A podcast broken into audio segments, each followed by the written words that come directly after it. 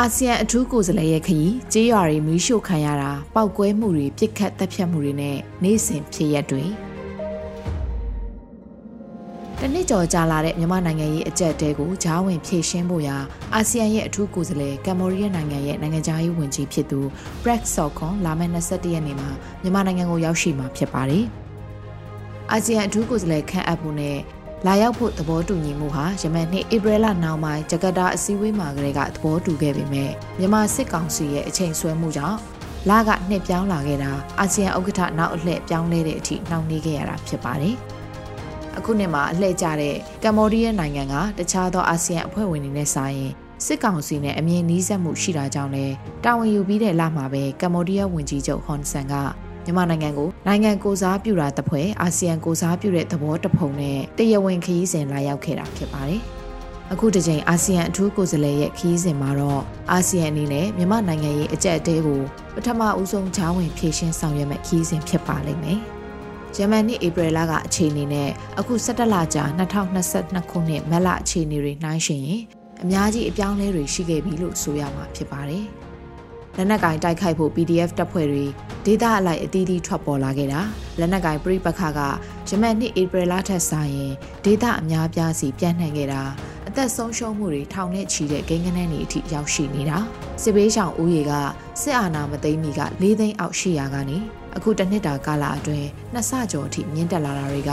မြမနိုင်ငံရေးအကြက်တဲပုံနှံရှိုင်းလာနေတာဖြည့်ရှင်းရပုံမှုခက်ခဲလာတာကိုပြသနေတာဖြစ်ပါတယ်။မြမအကြက်တဲကိုဂျားဝင်ဖြည့်ရှင်းမဲ့အဖွဲ့အစည်းအနေနဲ့ အာဆီယံကိုနိုင်ငံတကာကလည်းအတိအမှတ်ပြုထားကြပေမဲ့လက်တွေ့မှာတော့အာဆီယံအနေနဲ့မြမနိုင်ငံရေးအကြက်တဲမှာအဓိကပါဝင်နေတဲ့အဖွဲ့အစည်းတွေကိုဩဇာသိမ့်မရှိလှတာလဲဗကတိအခြေအနေလို့ဆိုရပါမယ်။ကုလသမဂ္ဂအဖွဲ့အစည်းအနေနဲ့တချို့သောနိုင်ငံတကာအရေးကိစ္စတွေမှာဂျားဝင်ဆောင်ရွက်ပြီးအောင်မြင်တာရှိကောင်းရှိနိုင်ပေမဲ့မြမအရေးမှာတော့ကုလသမဂ္ဂကအာဆီယံလောက်အရေးထားမခံရတာလဲတွေ့ရမှာဖြစ်ပါတယ်။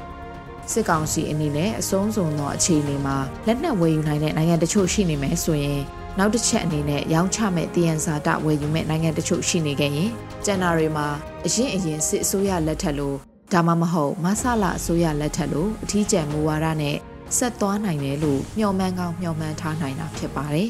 ။ဒါကြောင့်လဲစစ်ကောင်စီကဒေတာရင်းပူးပေါင်းဆောင်ရွက်မှုအဖွဲ့အစည်းဖြစ်တဲ့အာဆီယံရဲ့တိုက်တွန်းချက် အာဆီယံအဖွဲ့ဝင်နိုင်ငံတချို့ရဲ့တိုက်တွန်းချက်ဖြစ်တဲ့2020ရွေးကောက်ပွဲမှာအနိုင်ရခဲ့တဲ့ NLD နဲ့စကားပြောဆိုဖို့ဆိုတာတွေကိုမတိကြိုးကြုံပြုတ်နေတာဖြစ်ကောင်းဖြစ်နိုင်ပါတယ်။ကမ္ဘာမှာလည်းဥရောပယူကရိန်းရုရှားစစ်ပွဲရဲ့အရေးကပိုအရေးကြီးလာချိန်အနောက်နိုင်ငံတွေကပိုအားစိုက်ဖြည့်ရှင်းမှုစူးစမ်းလာနေရချိန်မှာမြမအရေးဟာနောက်ရောက်သွားပြီးအခုခရီးစဉ်ကနိုင်ငံတကာသတင်းတွေထဲတိတ်ပြီးမိမောင်းထိုးခံရပွဲမရှိဘူးလို့ဆိုနိုင်ပါတယ်။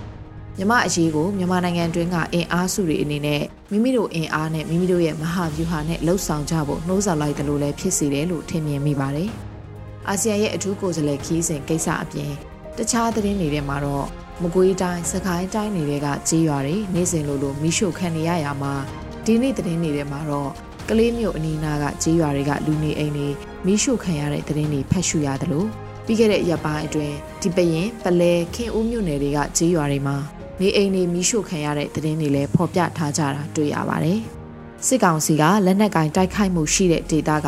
ကျေးရွာတွေကလူနေအိမ်တွေကိုမီးရှို့ဖျက်ဆီးပြီးအဲ့ဒီဒေသမှာလူတွေအခြေချမနေထိုင်နိုင်အောင်တနည်းအားဖြင့် PDF တွေကြေးရွာတွေမှာအခြေစိုက်ပြီးစစ်ကောင်စီကိုမတိုက်ခိုက်နိုင်အောင်ရွာတွေပြတ်တဲ့အထိဒဏ်ခတ်အရေးယူတဲ့နီးပြူဟာမျိုးသုံးနေတယ်လို့ကောက်ချက်ချနိုင်ပါတယ်။ အခုဖြစ်စဉ်ဒီဟာရခိုင်ပြည်နယ်ကရိုဟင်ဂျာလူမျိုးစုတွေပေါ်ကျူးလွန်တဲ့ဖြစ်ရပ်တွေနဲ့အလားတန်အတူတူပဲဖြစ်နေပါတယ်။တပ်ဖြတ်မှုရက်ဆက်မှုတွေကြောင့်လူတွေတိမ်းရှောင်ထွက်ပြေးနေချိန်မှာကျေးရွာတွေကိုမီးတင်ရှို့ပြီးဒီရွာတွေမှာပြန်အခြေမချနိုင်အောင်ရည်ရွယ်လှုပ်ဆောင်ခဲ့ကြတာမျိုးအခုလေစကိုင်းတိုင်းနဲ့မကွေးတိုင်းအထက်ပိုင်းဒေသတွေမှာစစ်ကောင်စီကကျူးလွန်နေတာဖြစ်ပါတယ်။ပြည်သူလူထုအနေနဲ့တမိုင်းသင်ခန်းစာယူစရာ အာနာရှင်တက်ရဲ့လုံနီးလုံဟန်ဆိုးရွားတဲ့ရည်ရွယ်ချက်နဲ့အကောင့်ထဲဖော်ပုံတွေနောက်တစ်ချိန်သမိုင်းမှာတကြောပြန်မလုံနိုင်အောင်ကြိုးစားကြဖို့တန်ဋိဌံချကြရမယ်အချိန်ရောက်ပြီလို့ဆိုချင်ပါတော့တယ်